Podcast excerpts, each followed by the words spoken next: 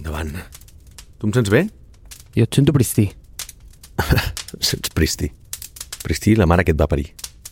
Vinga, doncs quan vulguis, tio. Tio, m'has trobat a faltar ni que sigui una mica o no? T'ho a faltar molt, Marc. T'ho a faltar molt, això. Dos, que hem estat dues setmanes sense gravar? Tres? Hem estat dues setmanes sense gravar. Hem cremat tots els recursos que teníem d'episodis de reserva. Ja no ens quedava res més. Si no gravàvem avui, trencàvem la nostra ratxa de 102 episodis seguits. O 104, ja no sé quants portem, sense, sense fallar. No podia passar, eh? Bueno, a tot això, cortesia de Pepe Font, que, no sé, bueno, com de Pepe Font i de Vodafone. Si en realitat, com m'he canviat de pis, com bé diu el Marc, i no sé què hi ha hagut en la instal·lació que els de Pepe Font diuen no, és que la caixa és de Vodafone i té un problema, trucaran els de Vodafone. I bueno, l'un per l'altre, doncs porto una setmana sense internet a casa i no ho sé, saps? Vull dir, per una persona que treballa des de casa, a part, tinc zero cobertura de telèfon, molt, molt, molt poqueta. De fet, no en tenia per ser de, de, de Vodafone i he passat a Pfone. Missatge, parlem, esponsoritzeu-nos, val? i a veure si podem solucionar aquests temes i, i ja està. Val? O sigui, una crida aquí al, al Xavi, que sé que ens escolta, eh? el nou director general de, de Parlem, sé que ens escolta el podcast, així que, bueno, que sàpigues que parlarem d'això en l'esmorzar de forquilla que tenim el dia 5 de desembre. Doncs vols que et digui una cosa?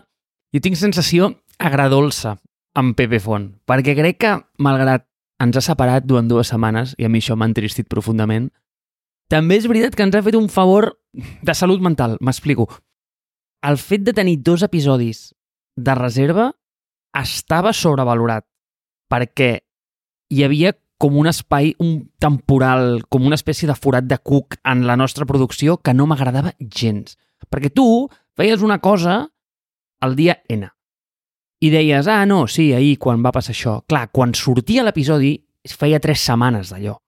Llavors ens passaven coses com que quan comentàvem notícies, exemple, el OpenAI Gate que va haver-hi fa unes setmanes, clar, quan l'episodi va sortir, mmm, anem a dir que el serial havia donat 23 voltes, havia acabat 32 vegades i havien publicat ja la seqüela, la preqüela i la última versió. I clar, això, Àlex, tio, ens posarà en una posició de merda, eh? El nostre podcast ha perdut qualitat, crec. No, jo crec que, jo crec que es pot solucionar fàcilment. Vull dir, hauríem de fer sí o sí has de tenir com un o dos episodis gravats que siguin atemporals, d'aquests de preguntes i respostes o d'algun tema que, que no tingui actualitat, però si passa alguna cosa d'aquestes d'actualitat extrema, crec que hauríem de tenir suficient cintura com per poder dir «Ei, tio, gravem avui un episodi», en comptes de dir en comptes de dir «Esperem a dilluns que ve», perquè, clar, el, en el cas d'OpenAI, igual que quan va passar el Silicon Valley Bank, que van passant cap de setmana, clar, nosaltres el dilluns ja teníem episodi per parlar d'una altra cosa, no? Aleshores, parlant d'aquesta cosa, i tot i així, no hi havia les conclusions, perquè si t'hi pares a pensar... Perdona, he dit que gravem dilluns, no, publiquem dilluns, gravem dijous, val? Però arriba el dilluns i a primera hora nosaltres encara no sabem, no tenim les conclusions de tot. Per què? Perquè moltes d'aquestes coses passen en la nit del diumenge, val? que per nosaltres és el, el matí del dilluns. Però fins que no es desperta la gent de Silicon Valley, al que seria les nostres 5 de la tarda, del dilluns, no tenim les reaccions i les confirmacions i tot el, diguem, la cosa ja una miqueta més consolidada. Per tant, realment, fins dilluns a la tarda no podries gravar per tenir totes les dades i, i totes les conclusions. Es podria fer, podria fer el dilluns per la tarda gravar alguna cosa així d'emergència, no? guardar-nos algun slot per dir ei, tio, gravem un i el publiquem, però el mateix dilluns per la tarda o el dimarts al matí màxim i que passi per davant del que teníem agendat els dijous per gravar. Ara, tant esforç, crec que només valdria la pena si ens esponsoritzés Parlem, eh? Val, però, bueno, o els números d'audiència que ja tenim, eh? que realment... De fet, va, mira, vaig a, vaig a comentar una cosa, ens estan arribant missatges, tu em vas passar un per WhatsApp, i m'han arribat dos o tres més, de gent que ens està passant el, el Spotify Wrapped, no? el, el resum aquest de Spotify, no només de música, sinó que n'hi ha de podcast. Si escolteu podcast a Spotify, passeu-nos-ho, mireu el vostre Spotify Wrapped i passeu-nos la captura de pantalla amb foc a terra al número 1 dels vostres podcasts. De fet, m'ha fet gràcia que un d'aquests estan per sobre de, jo, de Jordi Wild. Esclar que hem d'estar per sobre de Jordi Wild, saps? Qualsevol persona sana hauríem d'estar en, en número d'escoltes per sobre del podcast de Jordi Wild, Però bueno, dit això, està, està molt bé, no? Tot un reconeixement, veure que estem nosaltres per sobre de podcasts molt més coneguts, més famosos, amb audiències de milions d'espectadors i, i alguns respectables, no com el de Jordi Wild, sinó com els d'Andreessen Horowitz o, o similars. Déu meu, Àlex, no em matis, eh? Però qui és Jordi Wild? És un, és un influencer, bueno, no, és que, no sé com dir-li, val? O sigui, de fet, ara venia escoltant el podcast de My First Million que deien, clar, quina és la diferència o, o per què se li diu de manera pejorativa influencer i, i si dius content producer és molt millor, no? Hi ha una escala com de, de influencer, està molt baix, puges una miqueta, és youtuber, puja significativament, és content creator i després si vols posar-lo a un nivell molt més alt dius no, és content producer, saps? Vull dir, Jordi Wild té un podcast on fa entrevistes a gent molt interessant, alguns molt famosos, el seu una miqueta cliché com a persona és que va sempre amb samarreta de tirants i és metalero, però és metalero aquests de, diguem, de grups de la portera de Núñez, no? O sigui, oh, m'agrada, soc metalero, m'agrada Pantera i Metàl·lica. Molt bé, però no, no vas molt més enllà d'això. No passa res, tampoc qüestionem els, els, els gustos musicals perquè n'hi ha de molt pitjors, però és veritat que ell cunyadeja molt. O sigui, fa molt bona feina en la producció, la selecció, la curació de contingut, de, però és d'aquests podcasts que dius, llàstima de l'entrevistador, estaria molt bé si no fos per ell. No és com la, la resistència al broncano, que dius, hòstia, portes penya d'altíssim nivell i fas entrevistes de, de merda, en el cas de Broncano, en el Jordi Wild no crec que siguin entrevistes de merda, però és que ell cunyadeja molt. Val? I d'alguna manera s'ha doncs, convertit com el Joe Rogan espanyol, en el sentit de que, bueno, també és d'aquests que, bueno, vol ser contrarian, i ha donat peu a algunes visions de la vida i de la societat que fan mandra, que no estan molt alineades amb el zeitgeist, ni tampoc crec que siguin correctes, ni tampoc se'ls hauria de donar veu. Però bueno, en fi, cadascú a casa seva posa el contingut que vulgui i si no t'agrada el contingut d'aquesta persona, no el segueixis. I ja està, no? És la màxima que aplico jo. Ja l'amic té 11 milions de subscriptors a YouTube, eh? No està malament, eh? No, no, i si pares a mirar, o sigui, hi ha episodis que són molt bons, hi ha entrevistes que són molt bones, però bueno, sempre és com les seves preguntes per mi són d'un nivell força bàsic i, bueno, arriba on arriba. O sigui, li queda una miqueta gran, però bueno, és la meva, la meva opinió. I al final, pues això, saps? Aquí mucho abarca, poco aprieta, i clar, si portes científics i de primer nivell i hackers i psicòlegs, no sé què, no pots pretendre tampoc que l'entrevistador sàpiga de totes aquestes coses, però sí que és veritat que tira molt de tòpics i de clichés que espatllen sovint l'entrevista, però bueno, entenc que pels entrevistats també té com un cert reconeixement en un podcast que té 11 milions de subscriptors. Vale, des del nostre petit món, deixa'm fer com la petita secció d'autopromoció del podcast, i és que des de fa dues setmanes el nostre podcast també està a YouTube i no és que ho anunci, sinó que hi ha molta gent que ho està fent servir i sembla que agrada molt en allà, perquè ja tenim 217 subscriptors, òbviament encara estem lluny dels 11 milions d'aquest senyor, però més de 1.500 escoltes en dues setmanes. No està malament, eh, per ser un podcast a YouTube. déu nhi Aquí ja estàs desvelant, desvetllant els, els, els nostres números, els potencials patrocinadors, però bueno, està bé, està bé, està bé. I no, no, molt agraïts per la, per la lleialtat de, de, dels nostres oients. Sí, jo crec que es poden desvelar, però estem molt més amunt amb, amb podcasting, eh? Que amb, que amb YouTube. Vale. Bueno, de què parlem avui, Marc? Ho saps o no?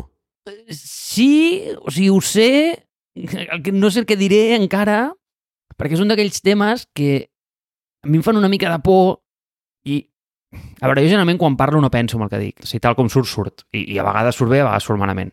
Jo crec que més malament que bé, però la gent ten, o sigui, tendeix a recordar més les bones coses, per tant, per això ens va bé la vida. Però aquest tema és un dels únics en els que cada vegada que parlo tinc en compte, ¿vale? perquè penso que la gent que ens escolta, per lo general, en sap bastant més que nosaltres d'això. Perquè és sabut que entre l'audiència tenim molts programadors. I a veure, o sigui, jo no puc qualificar de programador en cap univers, tu igual una mica més, o sigui, jo sóc una persona que es va retirar fa molts anys, ho va intentar moltes vegades, però, tio, la vida li va dir que millor fes una altra cosa, i a veure, mm, tu em vas dir que parlem de llenguatges de programació, així que si vols parlem. Jo parlo, jo parlar puc parlar del que vulguis, ja ho saps. Mira, és un tema que, que, és, que és recurrent, que ara que porto gairebé 10 anys d'empresa i bueno, porto molts més de... O sigui, crec que ja porto més d'exprogramador que, de, que de programador, no? Perquè fa gairebé 10 anys que vaig deixar de programar i només ho faig ocasionalment eh, per side projects que no duren gaire i no acabo llançant, com bé saps, però, però és veritat que fent desenvolupament de negoci, no? que és com la, el cantó fosc del desenvolupament, m'he trobat amb molts mites, val? Un dia podríem parlar dels mites aquests, no? De, de... Però, bueno, algun, algun en tocarem avui. M'agradaria parlar una miqueta de com està el, el panorama dels llenguatges de programació, perquè és una cosa que em pregunten sovint, no? O sigui, no és un episodi de preguntes i respostes, però és veritat que se'm pregunta sovint del pal, ostres, aquest llenguatge què tal, aquest què tal? I he vist molts canvis interessants en, en, últim, en els últims 12 mesos i crec que val la, la pena comentar. Val? Per què?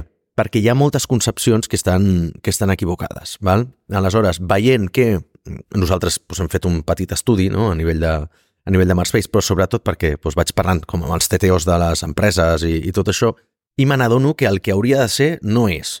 Val? I de fet, l'altre dia vaig entrevistar el CEO de Cloud66 que, que és una, una empresa de, també de provisionament de serveis d'infraestructura val? i de DevOps i tot això, i la veritat és que venia confirmant una miqueta la meva sospita. Val? Mm, aleshores, si et sembla, podem lligar-ho amb un, una manera més útil per l'audiència generalista, que seria el de quins llenguatges de programació estan bé avui en dia, quins hauria d'aprendre i quins no. Val? Dit això, el primer gran mite que m'agradaria desbancar, i això mereix no només un episodi, sinó una temporada sencera d'un podcast, però no serien aquests, sinó tot que serien el, en el nostre, el de Life on Mars, seria el de Rails no escala, val? o sigui, o, o Ruby està mort. Val? Aleshores, lluny d'això, la realitat a nosaltres ens ve a dir que eh, la majoria de d'interaccions que hem tingut amb potencials clients aquest any ha estat projectes de Ruby, de Ruby on Rails, probablement causat perquè les empreses que ho han patat en els últims 10 anys, la majoria ha estat fetes amb Ruby, val? I aleshores què passa? Que ara que hi ha hagut la gran, la gran temporada d'acomiadaments i gent que ha dit, oh, que s'ha cansat de, de treballar en una empresa, ha dit, me'n vaig a treballar una altra, doncs vaig a crear-ho amb el llenguatge de programació que ja conec o que sé que ha funcionat en la meva anterior empresa. Em refereixo, si mires a nivell espanyol, realment, moltes de les grans empreses que han triomfat aquí o que s'han venut estan fetes en Ruby, no? Em venen al, em venen al cap Cantox, no? que s'ha venut per gairebé 100 milions d'euros, també al cap, cap Cabify, em ve al cap Spotahome, em ve al cap altres no? empreses de... Bueno, aquí a Barcelona anava a dir... Bueno, Badi. té, té molts més ex-Badi que, que Badi actualment, però bueno, són, són empreses que han apostat molt per Ruby. N'hi ha més, eh? No, no només són aquestes, vull dir, tens Rakuten, tens el Sonar, però igual no serien empreses ja, per exemple, el Sonar no seria una empresa tan gran. Però sí que a nivell internacional perquè tu podries dir, hòstia, aquestes no són empreses, són punteres a nivell de Barcelona o a nivell de Madrid, però no són punteres a nivell internacional. Però a nivell internacional que tens? Tens GitHub, tens Spotify, tens Stripe, tens Discord, tens Buzzsprout, eh, la vostra competència, tens Airbnb, tens, què més, Twitch, tens totes, totes les plataformes de cripto han estat fetes, o, no, no puc dir totes, eh, però la gran majoria basades en uns, en uns projectes open source que estaven fets en Ruby, per tant, Kraken, de fet, Kraken està fet tot en Ruby, Coinbase també, saps, totes aquestes grans plataformes. Clar, pares a mirar això i dius, hòstia puta, ja, si totes aquestes empreses han estat creades en Ruby o tenen gran percentatge de la seva, del seu codi en Ruby, a la que foten fora el 20% de la seva plantilla, doncs molts d'aquests crearan la seva propera empresa en Ruby. Ah, bueno, a Barcelona tenim un altre gran exemple, tenim Factorial, no? Que, de fet, van intentar crear l'empresa en Elixir, però van dir, um, massa complicat, anem al Ruby, que ja el coneixíem de Redwood, no? I van crear en Ruby. Clar, aleshores, per un cantó dius, està venint una renaixença no, de Ruby, el qual és molt interessant i de fet m'agradaria tenir el teu punt de vista perquè tu quan estaves a Ironhack al principi vam començar a col·laborar perquè fèieu Ruby i vam donar classes per això, però Ironhack va canviar la seva estratègia, va veure que Ruby is dead Ruby està mort i va passar a fer només JavaScript, que per mi va ser el gran error de la majoria dels, dels bootcamps, no? I ara estem veient aquesta, aquesta renaixença, no? I, hòstia, si veus això que dius, mm, collons, Shopify, la plataforma d'e-commerce número 1 al món, GitHub, on estan allotjats pràcticament tots els projectes de repositori de codi del món, Stripe, la plataforma de pagaments d'internet, estan fets en Ruby, el tema que Ruby no escala, podríem anar-lo enterrant ja. Fins aquí, què tal? A veure, és que em ve perfecte que m'hagis començat aquí, eh? Perquè vaig a desvelar una cosa. Àlex, la setmana passada vaig anar a una festa. Per celebrar que Rubi ja no està mort? No, tio, a veure, que t'hauria de sorprendre és que jo vaig anar a una festa, saps o no? Això és la notícia en si mateix. No, ja, ja ho sé. Home, em, sorpre em sorprèn molt. Sorprendria més si, si a més haguessis begut cervesa, saps? Vull dir... El tema de la cervesa, que, obro parèntesis, és exactament... Saps per què no bec cervesa? Pel mateix motiu que tu i jo gravem cada setmana. Perquè ja porto tant temps sense veure'n que ara penso, hòstia, si em bec ja hauré de dir ah, no, fa 5 anys que no bec, però em vaig veure una cervesa un dia perquè vaig ser imbècil. Doncs pues això és com tu i jo si un dia no gravem i ens patem un, un episodi i llavors direm, ah, no, ja no podem dir que portem 103 episodis o 104 o 105 sense, sense fallar, perquè no vam fallar en aquell. Llavors hem de començar des de zero. És allò que no vols trencar la ratxa, saps? Doncs pues amb això em passa el mateix. Exacte. Per tant, no, no vaig veure cervesa. Però, tanco el parèntesis de la cervesa i els strikes, amb dir-te que no només vaig sortir de festa... Ara, no, no, no, ojo, no vaig sortir de festa, a les 11, a les 11 estava dormint, eh? Però vull dir que vaig assistir a un acte social. Que no era a Barcelona. Imagina't, vaig anar a Madrid, macho. Però què dius, tio? Què vas a fer-hi tu a Madrid? Què se t'hi ha perdut? Vaig anar a la festa, t'estic dient. Però de festa a Madrid, però per què? Tu, eren els 10 anys d'Ironhack. Ah, vale, vale, vale, vale. Sí, sí, sí, sí. Aquí no vas plegar i com vas poder subsistir, com vas poder aguantar una de les coses que jo, o sigui, jo vaig estar 3 anys sense beure alcohol, eh? eh, aguantar borratxos i veure les festes i l'ambient decadent que hi ha a partir de les dues de la matinada des del prisma de la sobrietat és un dels experiments socials més interessants que pots fer com a persona humana. Estic d'acord, perquè bàsicament tothom durant la nit va aplicant un filtre de realitat molt bèstia, llavors per ells la realitat es distorsiona d'una manera acollonant, però per tu no, no? Llavors tu segueixes vivint en el mateix món, ells no, però tu veus com ells viuen o creuen que viuen en un món diferent. Llavors és molt interessant experimentar això, i és una cosa que recomano a tothom, mm, malgrat és, és extremadament avorrit, però com, com et comentava, a les 11 estava dormint, per tant vaig anar a jugar-ho molt segur. Quina merda de festa, Marc, també t'ho dic. Clar, començava a les 5. Va, val, tardeo aquest madrileny. I llavors ells després ja es tiraven, sí, però vull dir nosaltres, ho vam jugar tranquil, no? Celebrava que Ironhawk feia 10 anys i que... I mira, porto un, alguns insights d'allà i ara t'ho lligo amb el tema de Ruby i JavaScript. Vinga. El primer és que es veu, i això ja és avís per futurs programadors que volen canviar-se de carrera o, o gent que està pensant en començar a programar, que el rotllet aquell de festa un bootcamp i en dos mesos estàs treballant s'està començant a complicar una mica. És a dir, allò de que abans qualsevol cosa que olorava a codi i respirava t'ho fitxaven, ja no és el cas.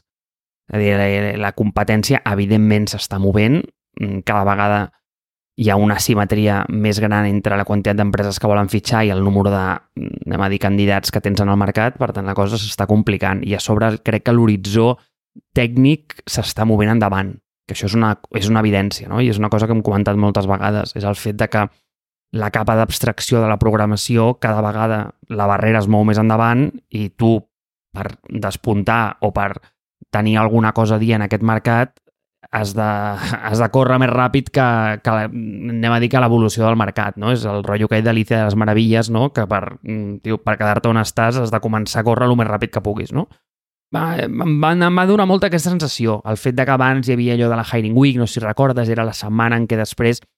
És que, bueno, haver estat en el món dels bootcamps, això, eh? Vull dir, els 2015, 16, 17... Era un cuento de hades. Per mi era una realitat que s'havia d'acabar perquè no podia ser que agafaves gent mm, i en dos mesos eh, els hi trobaves feines de, de 30-32.000 euros. Era, era una bogeria. És dir, eh, això s'ha acabat. Mm, és, bueno, ara, mític exemple d'una bombolla que en algun moment ha d'explotar, no? Vull dir, no sé si ha explotat d'una manera molt, molt estrident o més aviat silenciosa, però la realitat ha canviat, això és, això és un fet. I per què vam canviar en el seu moment de Ruby a JavaScript. Jo pensava que el, teu argument és que, ostres, desconeixia que tantes empreses estaven muntades sobre l'estack de Ruby. Però jo em pensava que el teu argument per Ruby seria més aquesta idea de que és que jo crec que si em fiqués a estudiar programació ara, igual em tiraria com per al llenguatge que no coneix ningú. O sigui, igual començaria a fer, a fer COBOL o alguna merda d'aquestes, saps? Perquè crec que de la mateixa manera que s'estan generant oportunitats a la cresta de la ola, també s'estan generant com a, a les profunditats. I de la mateixa manera que tens oportunitats com a la part més evolucionada de la tecnologia també les tens com en aquest legacy i en aquest codi llegat que ningú vol tocar. I crec que s'estan sortint moltes oportunitats en el sector de la banca, de la de consultoria, té un més, més que es posa, però amb aquest tipus de llenguatges que ningú ja no vol tocar i cada vegada hi han tecnòlegs més preuats en, en, en llenguatges molt antics, no? I tu em pens, jo em pensava que em sortiries amb el Ruby una mica per aquí, però em veig tot el contrari, que, que m'estàs dient que és punta de lanza també. Nosaltres en el, en el seu moment a Iron vam prendre aquesta decisió per un tema de que les companyies que ens fitxaven, per lo general, eren companyies molt incipients, és a dir, projectes que havien començat feia molt poc, i semblava que la moda, llavors, Sí. era muntar-se en l'estack de React i compartir back i front amb JavaScript i tenir aquest llenguatge comú, malgrat en el back era Node i a davant era React, però compartir aquest stack comú que d'alguna forma semblava que et donava algun avantatge competitiva respecte als que no ho tenien. Jo sóc bastant escèptic.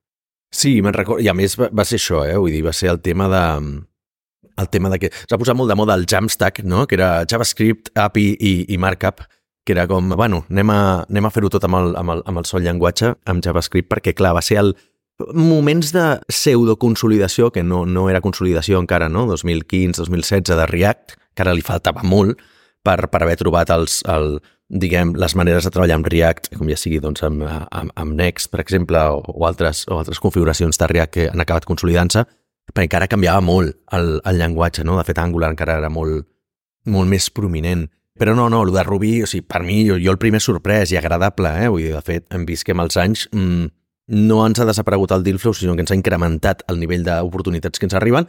També és veritat que hi ha menys empreses que ho ofereixen i que segurament doncs, tenim més, més marca pel fet de portar gairebé 10 anys, no? I molts dels nostres competidors s'han tancat. Però això enllaça molt amb la segona... bueno, és igual, o sigui, el, per, per explicar molt breument la història de per què Rails no escala, però sempre hi ha la, la, el, el mite aquest que està més que desbancat, però pues, una, una miqueta pues, l'efecte Ciudadanos que dic sempre, no? Si dius una, una, una cosa encara que després la refutis, queda, en l'aire sempre queda el, el, el primer comentari, no? Sigui cert o no sigui cert. De vegades són certes aquestes assumpcions, no? Com PHP és un llenguatge molt guarro, potser ja no ho és el 2023, però és igual. La gent segueix quedant que PHP és un llenguatge quick and dirty. Doncs Ruby va passar que, el, de fet, Twitter es va fer amb Ruby on Rails. Va arribar un punt en què no escalava, val? tenia problemes d'escalabilitat i, si recordes, la fail whale, no? la balena aquella que apareixia quan es queia Twitter cada dos per tres, i es va argumentar que era perquè Rails tenia uns problemes d'escalabilitat. Aleshores van contractar la gent de Pivotal Labs, val? una agència que és molt puntera, que va fer la reescriptura de, de, de, de Twitter, si no recordo malament van fer servir Scala val? i altres llenguatges de programació, i es van solventar aquests problemes d'escalabilitat. De, de, Fins aquí bé. El problema ve que al cap d'uns anys van admetre que realment el problema no era de Rails, sinó que era com estava muntada la, tota la, la infraestructura a nivell de les de bases de dades, val? I aleshores, clar, doncs, bueno, què s'ha quedat? La mala reputació s'ha quedat amb el tema de que, ah, no, és que Rails no escala perquè, clar, Twitter no va poder escalar. Bueno, és igual, saps? Tens, tens altres contraexemples que sí que refuten aquesta teoria, però el que dèiem, saps? Vull dir, refutar una, una teoria molt popular doncs sempre tindrà menys efecte que el primer, que el primer missatge. Dit això, passem, si et sembla, al següent llenguatge que a mi m'ha donat una sorpresa molt positiva en aquest 2023 i que no m'ho esperava. Val? Ha estat un retorn d'un llenguatge o d'un framework que ja donàvem, no per mort, però bastant abandonat. Em va ser molt popular Angular, per exemple. O sigui, nosaltres quan vam començar, fa 10 anys, Angular encara estava en release candidate, no era una, una versió estable, però vam començar a fer-lo servir perquè li vam veure moltes avantatges. Val? De fet, quan Angular va passar a ser de, a, l'Angular 2, val? o sigui, va passar de ser d'Angular.js, que era la versió a Angular, que era la 2, un, a, nivell de conveni de noms, mmm, molt malament, però bueno, diguem que la versió més estable doncs va ser un, un framework no? també de JavaScript molt potent amb el que nosaltres fèiem el, el front-end dels nostres projectes. Per què? Perquè React encara no era suficientment estable, val? sí que és veritat que Facebook ja, ja el recolzava, però clar, Angular venia a Google, no? i moltes coses molt potents, per exemple, Google Calendar, no estaven fetes amb, estaven fetes amb Angular. Evidentment, pràcticament totes les aplicacions de, de Google estan fetes amb Angular, no? i molts grans players. I de fet va entrar molt en el sector corporate. Què passa amb els anys? Angular ha perdut molta, molta, molta, molta força en pro de React. Per què? Perquè els desenvolupadors, que per A per B, han acabat tirant més per React, perquè, doncs, vulguis que no, doncs és, més, és més versàtil en moltes coses, molt més lleuger, i es porta millor, de fet, es porta millor en Ruby i en Python per temes de filosofia que no pas a Angular. Però bueno, doncs per A o per B, Angular s'havia establert com el, com el gran dominant en temes de frontend. Però és veritat que en els últims anys, i de fet nosaltres vam estar a punt de treure-ho de la pàgina web, perquè el 2018 ja vam adoptar React com a el que se'n diu un first class citizen a dintre del nostre tech stack, és a dir, un, eh, doncs un llenguatge de, de, de primer ordre. I, per defecte, vam decidir que tots els projectes els faríem Ruby en el backend o Node.js en el backend i React al front. I Angular ja el, li traiem el favor, no? Cada cop el... Si no ens el demanaven explícitament, no el fèiem servir. Però això és que gairebé ja en els últims anys doncs, tenia un projecte a l'any d'Angular i anava desapareixent. Però aquest any que han presentat la nova versió d'Angular, que ja anaven com per la 17 o la 18, presenten una versió que està molt més alineada amb la comunitat i, de fet, importa moltes de les coses de React. Val? Ha corregit tots els grans fallos que tenia Angular, que era, es feia molt, s'havia convertit una miqueta amb el Java de JavaScript, no? O sigui, un llenguatge molt boilerplate, un llenguatge molt pesat, massa corporate, amb una corba d'aprenentatge alta, poc flexible i tal, i havia perdut doncs, molta força. I la veritat és que hem al·lucinat bastant amb la nova versió d'Angular. He de dir que estem fent un, un parell de projectes amb això i els desenvolupadors estan molt i molt contents i, de fet, inclús els programadors de React es poden passar a Angular sense cap tipus de, o sigui, pràcticament sense cap tipus de transició, cost de transició, cost de canvi. Val? Per mi ha estat una de les sorpreses positives d'aquest any. Dit això, un altre, o sigui, un altre llenguatge que recomano per la gent que vulgui començar avui en dia, doncs evidentment que sigui JavaScript, però si als últims potser 3 o 4 anys hauria recomanat que fessin només React, ara diria React o Angular, agafen un, podràs intercanviar-los com vulguis. Val? Per tant, Ruby, ok, per començar avui en dia, molt bé, React també, i l'altre, que veig que té un... Més que un ressorgiment, és una consolidació, de fet és una amplificació, que és Python. No? Sigui, Python és un llenguatge que en el seu moment, jo me'n recordo a la uni, era un llenguatge que feien els friquis, que, que no tenia moltíssima quota de mercat, tot i que hi ha hagut sempre grans players que l'han fet servir, o sigui, Google ha estat un, probablement el, el, el player més gran en fer servir Python dins de, de les seves aplicacions, però el que s'està beneficiant molt, del que s'està beneficiant molt Python en aquests anys és que tota la gent que va aprendre Python per fer temes de machine learning i data science fa 10 anys, 5 anys, han dit, hòstia, però si ara ja no només puc aprendre, o sigui, he de muntar una cosa, val? pel que dèiem abans, perquè t'han fet fora, o perquè has millorat molt i has dit, va, però vaig aprendre també web, no? Bueno, si ja saps Python, aprendre Django, que és el framework web, o Fast API, que és el que es porta més avui en dia, el cost de transició és alt perquè no és el mateix fer data que fer web, però és el mateix llenguatge de programació. I estem veient molta gent reconvertida no? de, de data scientist a programadors Python o Django. I, hòstia, la veritat que també seria un llenguatge que jo avui en dia recomanaria molt i, i, i prova d'això és que també veiem que, un, molts més bootcamps fent Python que mai, i dos, que també és veritat que és un llenguatge que no, és, no està molt lluny de Ruby, val? i la veritat eh, hem trobat que nosaltres que l'hem adoptat aquest any, per exemple, per projectes començat el 2023 a fer Python, la gent l'aprèn rapidíssim. O sigui, el cost de transició també és molt baix, els conceptes són molt similars i hem vist que més o menys posant una persona que sabia molt de Ruby fer Python, en un parell de setmanes és molt productiva ja. Per tant, llenguatges que recomanaria per començar a programar en ara, jo recomanaria aquests tres, no? O sigui, JavaScript més orientat potser a frontend que en backend, val? perquè de Node.js, si vols, en podríem parlar, però... I després Ruby i, i Python, que però això, que això sí els faria servir més, més per back que per, que per front. O sigui, aquests són els teus pics per començar, eh? És a dir, estaria recomanant algú per començar a caminar la vida del programador, sí? Sí, també et podria dir quins no recomanaria, si vols. Oh, m'interessa, però un segon. Abans d'entrar als que no recomanem, m'agrada aquesta secció, le, entrem a la secció de tu recomanaries a dia d'avui o ets favorable a la idea aquesta de tothom ha de saber programar o no? És que jo cada vegada tinc sentiments més trobats, eh, amb aquesta idea. No, no, no. No, jo crec que no.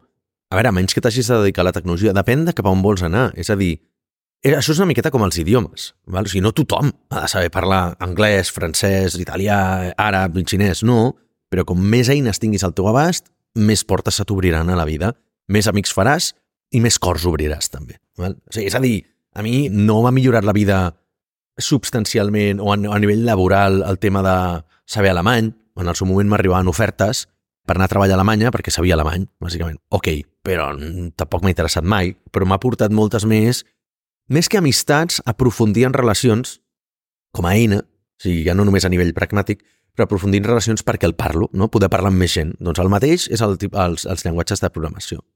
Què vull dir amb això? Si tu ets dissenyador i no et fa falta, evident, evidentment, saber un llenguatge de programació, però vols millorar molt substancialment si ets dissenyador web, doncs igual saber HTML, CSS i JavaScript et permet saber quines coses dissenyes i són fàcils d'implementar o són performance, val? o són una flipada, una palla mental, que amb això és una de les coses que, que els hi passa molt als dissenyadors i dissenyadores, no? que sovint dissenyen coses que no tenen gaire sentit o que costen moltíssim d'implementar simplement perquè no saben aquell llenguatge.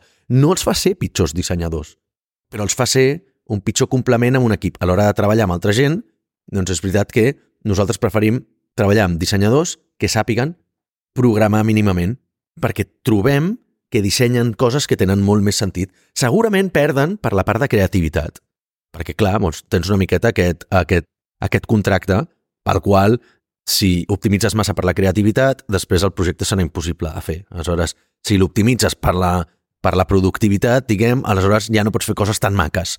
Perds l'efecte wow. Fantàstic. A nosaltres ens interessa que per la part de programació ens solucioni la vida i no haver de fer tantes iteracions amb el que ens passa. I dit això, doncs, també t'ajudarà com a project manager a l'hora de fer estimacions.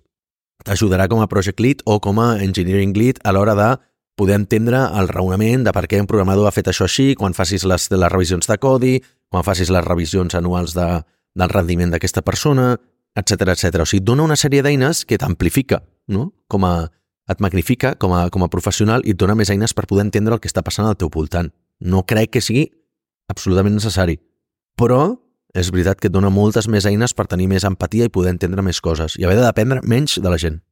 Donat el benentès de que estic absolutament d'acord amb el que has dit, subscric totes i cada una de les opinions que has donat perquè crec que són objectivament certes, no puc quedar-me sense donar tio, el contrapunt, o sigui, l'opinió polèmica. Que no falti. Endavant. Sí, que no falti, que no falti. O sigui, l'opinió polèmica per mi és, a, veure si, si em compres l'analogia, eh? És que a vegades la programació s'agafa com un pretext per la inacció. O, dit d'una altra manera, per que s'entengui millor, és com el gimnàs de l'adolescència. M'explico. Quan eres adolescent, insegur i una mica capullo, donaves un excés d'importància en el teu aspecte físic a l'hora de lligar. Llavors, veies molts xavalets joves que no paraven d'anar al gimnàs però no tenien collons de entrar-li a una tia i dir-li el que se li tenia que dir. Què passa? Que el gimnàs, o el cos, el culte al cos, es convertia en un pretext per la inacció, no? És a dir, no, no, jo ja vaig molt al gimnàs i jo ja lligaré molt. No, tu el que ets és un fracassat perquè no tens collons de dir-li res a una tia quan estàs a una discoteca. Doncs pues a la programació a vegades em sona que juga una mica en aquest sentit. A on vaig? He vist moltes idees i molts negocis que coixegen de que tenen un producte de l'hòstia, però que no tenen collons de sortir a vendre'l perquè sempre o no està bé, i llavors s'amaguen amb la programació en el sentit de que no, no, jo estic treballant molt, jo, tio, aquí estic posant aquí la nova funcionalitat, estem millorant la performance, quan el que necessites és fer calés. O sigui, no és tenir el millor producte o el, no ho sé, eh, o el repositori més optimitzat, sinó que necessites és tenir els collons d'anar davant d'un client i dir-li, mira, això és el que fa el meu producte i, i saber com encaixar les crítiques i dir, mira, doncs això encara no ho fem, però ho farem més endavant, saps? Que a vegades costa, saps? És a dir, no ho sé. Vull dir, crec que això és una, és una llança a favor dels venedors, eh? Fins aquí. Estic d'acord, però això és més un problema de l'emprenedor tipus. Val? És el problema que sol passar molt als emprenedors molt tècnics i gent que troba realment productes i idees que són molt bones i que diuen, hòstia, jo me'l faré i me'l faré millor, no? Exemple clar, hòstia, doncs mira, hi ha aquesta eina de, de deployments però no està adaptada a aquest tipus de projectes, no? Doncs vaig a fer-ne un per projectes de cripto i que realment realment a mi em va molt bé i la gent que jo conec va molt bé i l'optimitzaré molt perquè, clar, tots els altres són molt farragosos, són molt lents, són, molts car són molt cars, vaig a millorar tot això substancialment. Treuen un producte molt bo, però és el que dius tu. Uh, es queden en la masturbació mental aquesta de dir vaig a millorar el producte perquè realment un molt bon producte després vindrà, vindran els clients, vindran sols. Mentida, de vegades no. val? o sigui, realment ha d'haver-hi un cop de sort o tu has de fer un mínim d'esforços a l'hora de, de promocionar-lo, de donar-li visibilitat, de moure't, d'anar a conferències, de contactar programadors i programadores perquè et facin una miqueta d'evangelistes, donar-lo gratis a gent perquè el provi, posar-lo a Product Hunt, etc etc. no? Vull dir, que aquest tipus de coses. Hi ha gent que no ho fa perquè diu, no, és que li fa que contingui aquesta feature, aquesta feature serà la bona. No, mm, no és la bona, saps? Vull dir, realment el que fa falta és que surtis de la cova i venguis, val?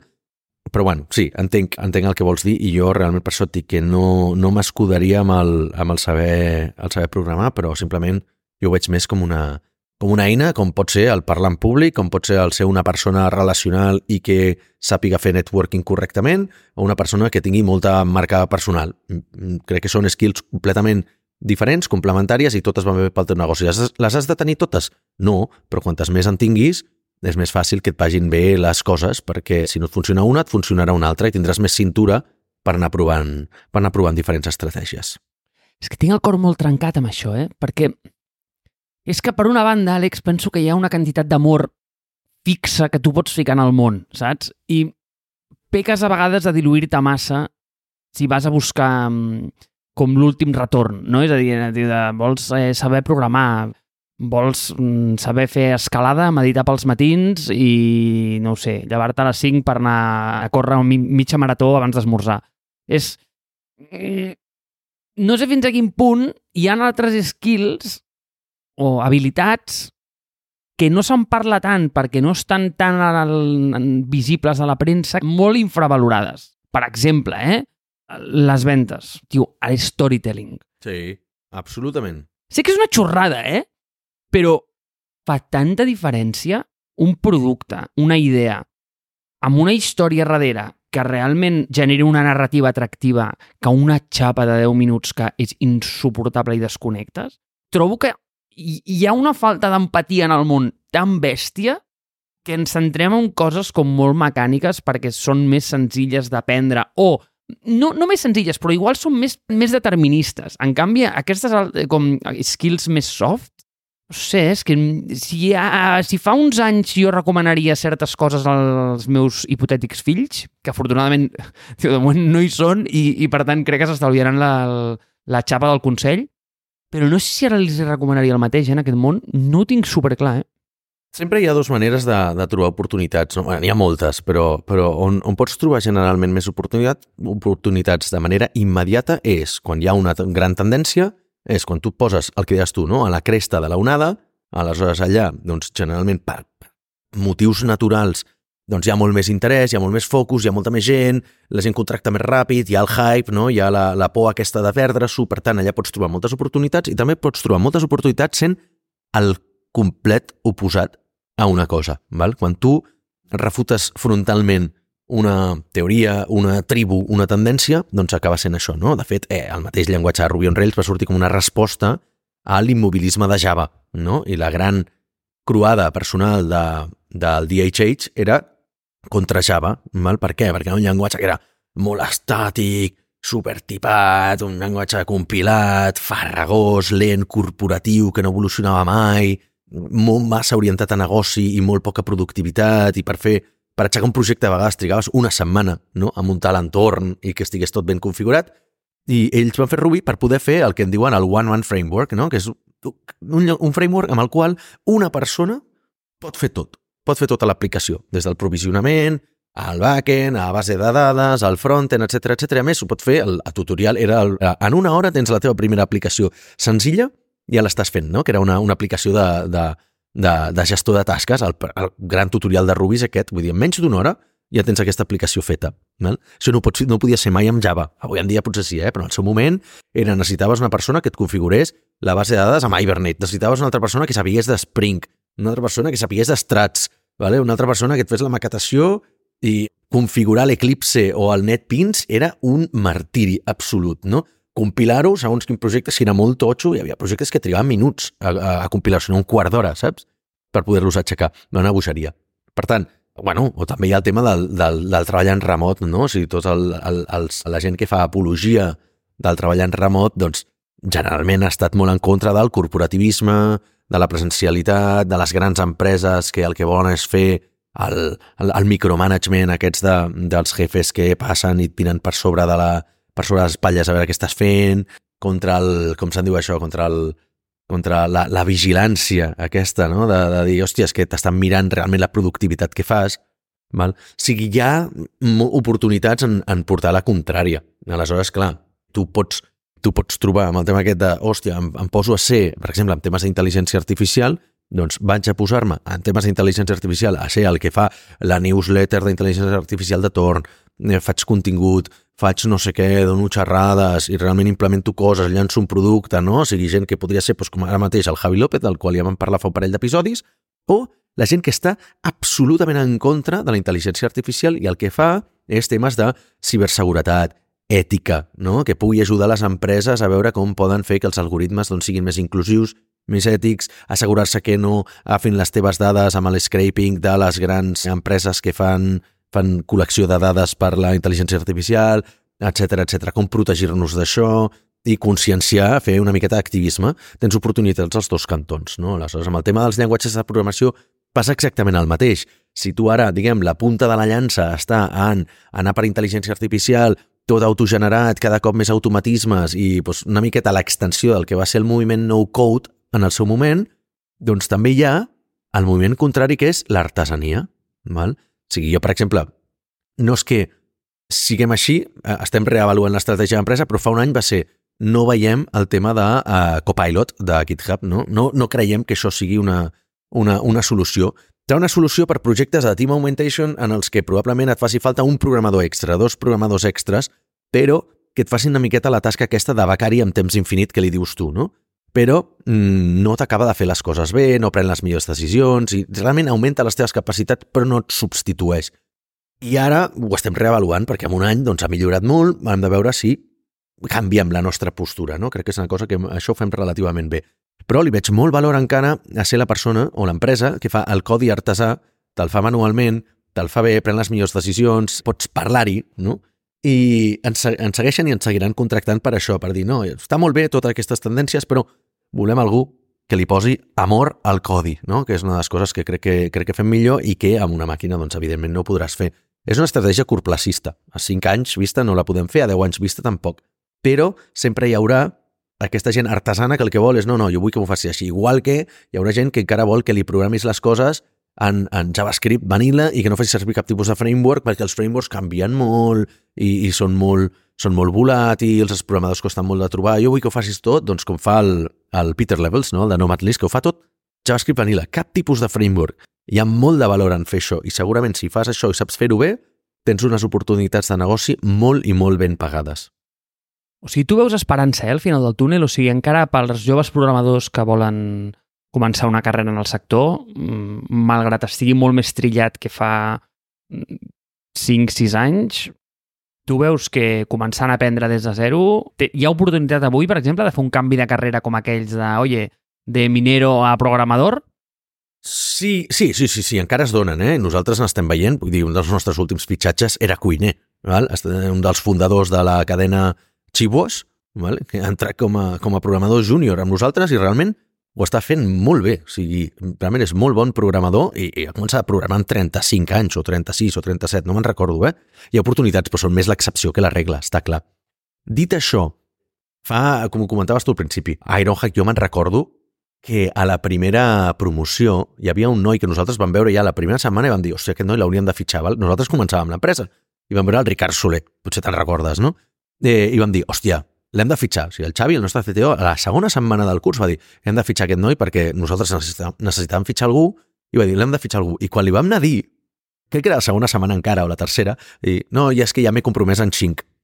Ja m'han fitxat. I dic, com pot ser que ja t'hagin fitxat? Val?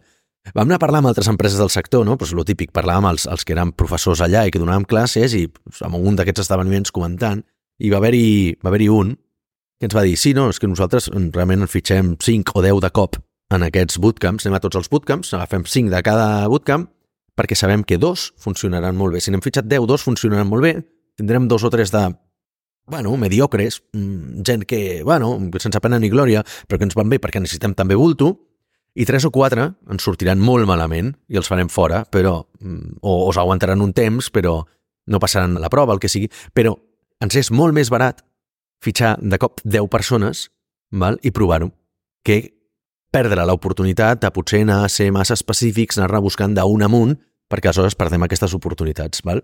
Això és el que van dir certes empreses grans de, de Barcelona. Dit això, què passava? Que aleshores això va generar l'efecte aquest d'una inflació en el món dels programadors per la qual, el que deies tu, qualsevol persona que tingués dos braços, dos, eh, dos cames i, i no es va vegés mentre caminava, doncs acabava sent fitxat per alguna empresa. Per què? Perquè és que feien falta tants programadors que es fitxava qualsevol cosa que es movia, no?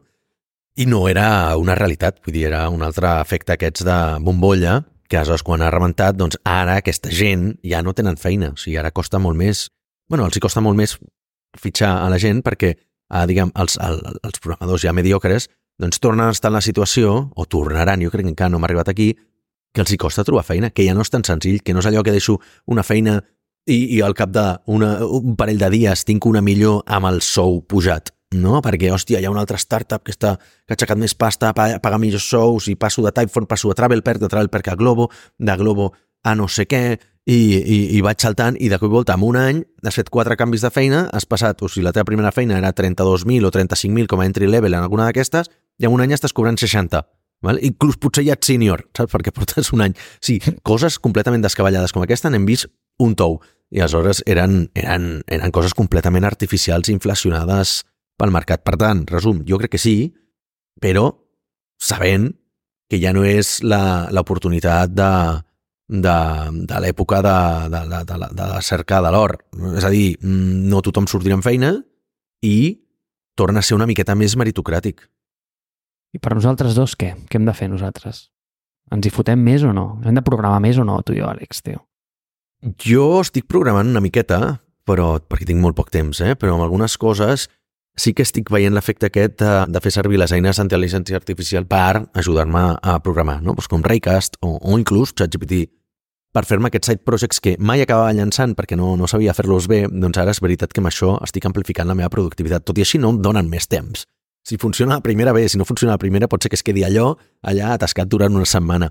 Eh, va bé, o sigui, jo, o sigui, tu en el teu cas, com a persona de producte, i persona tecnològica que més saps programar i saps llançar projectes i sé que ajudes a altra gent a fer-los, et va molt bé saber programar, et dona un afegit. A mi em dona afegit que venc millor com a, com a CEO orientat a ventes perquè entenc la tecnologia que d'altra banda m'he quedat desfassat una miqueta amb, amb els anys, no? Amb 10 anys no estic tan a prop de la tecnologia com estava abans. M'hi estic ficant més últimament gràcies a, a aquestes eines, no? Perquè al final, hòstia, he de tenir converses informades a la gent, amb la gent amb, a qui els he de vendre els projectes, no?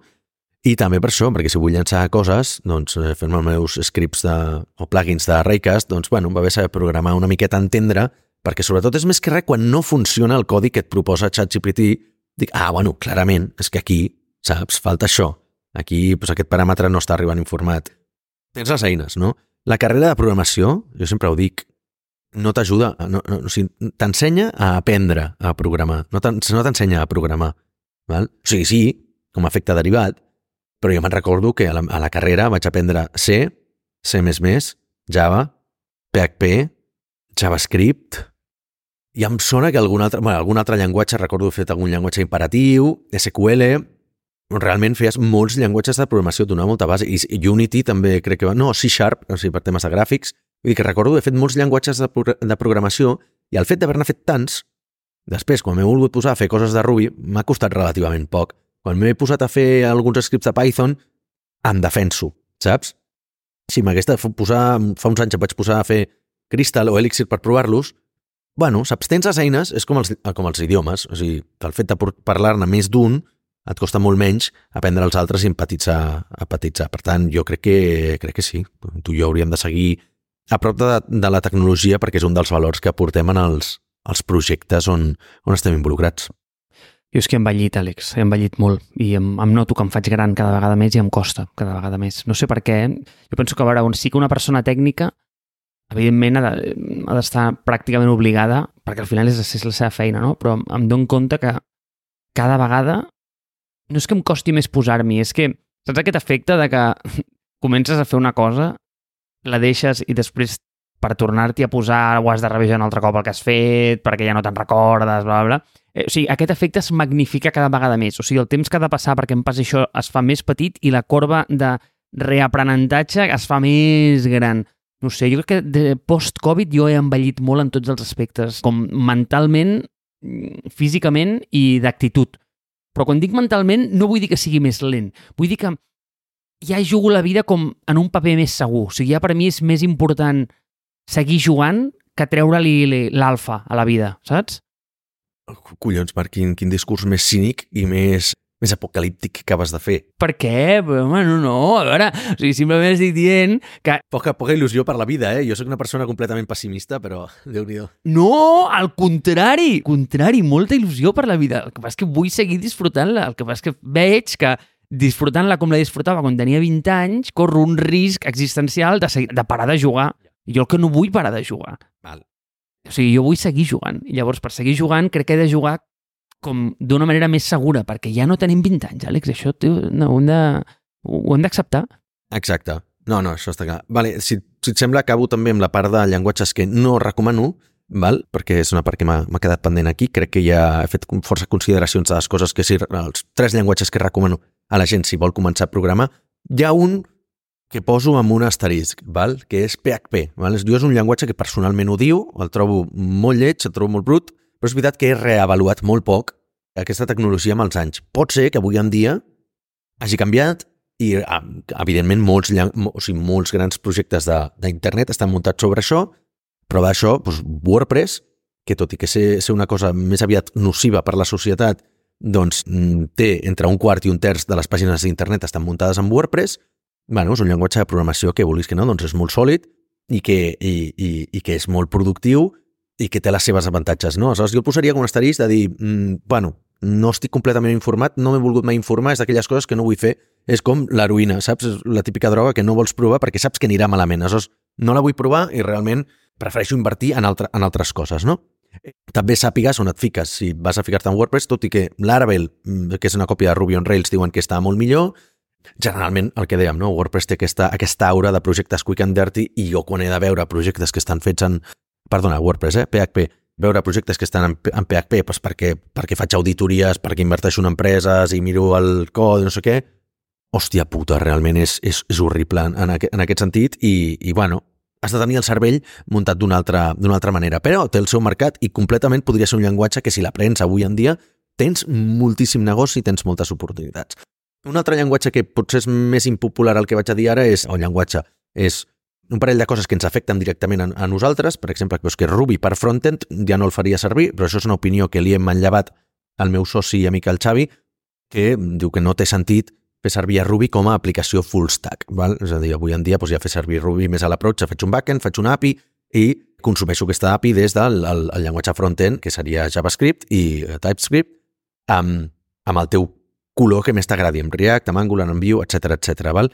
però que la, tal i com ha orientat el frontend de Ruby, ell diu que no, no té molt de sentit, aleshores, tot i que hagin sortit coses com Turbo i tal, no, a nosaltres no, no, no ens ajuda gens.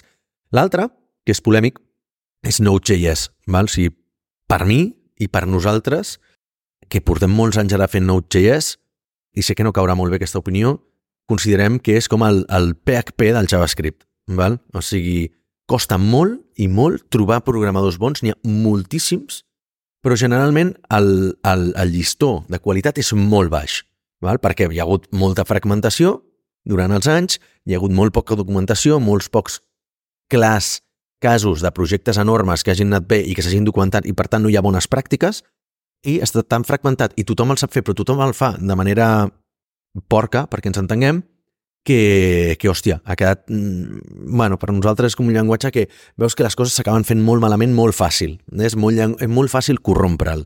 Un projecte, tu entres i fiques la persona equivocada, aquell projecte se'n va, se'n va a Norris fàcilment.